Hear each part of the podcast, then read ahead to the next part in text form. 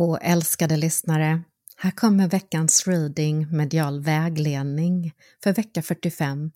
Idag med orakelkorten och monologic-korten Queen of the Moon med hyllning till den andra fullmånen som startar och avslutar den här perioden.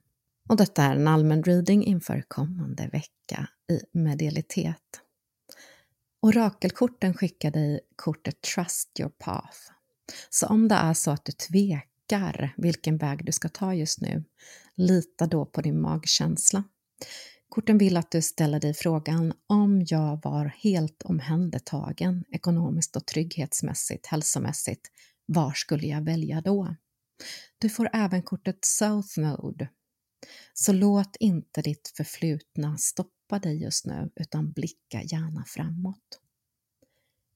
Nästa kort eh, du får eh, är orakelkortet för vägledning Pillar of Light. Detta är ett action card, så håll handen mot hjärtan och upprepa orden Jag gör mig nu synlig för att ta emot all den visdom och den pelare av ljus förankrad från stora källan och ned till jordens mitt. Jag aktiverar också den visdom som nu kommer leda mig på min rätta väg för att fullgöra mitt dramatiska mission här på jorden. Tack! Korten skickar dig även vägledning med fullmånen i oxen. Här handlar det om att göra en handfast praktisk plan för dina mål och drömmar.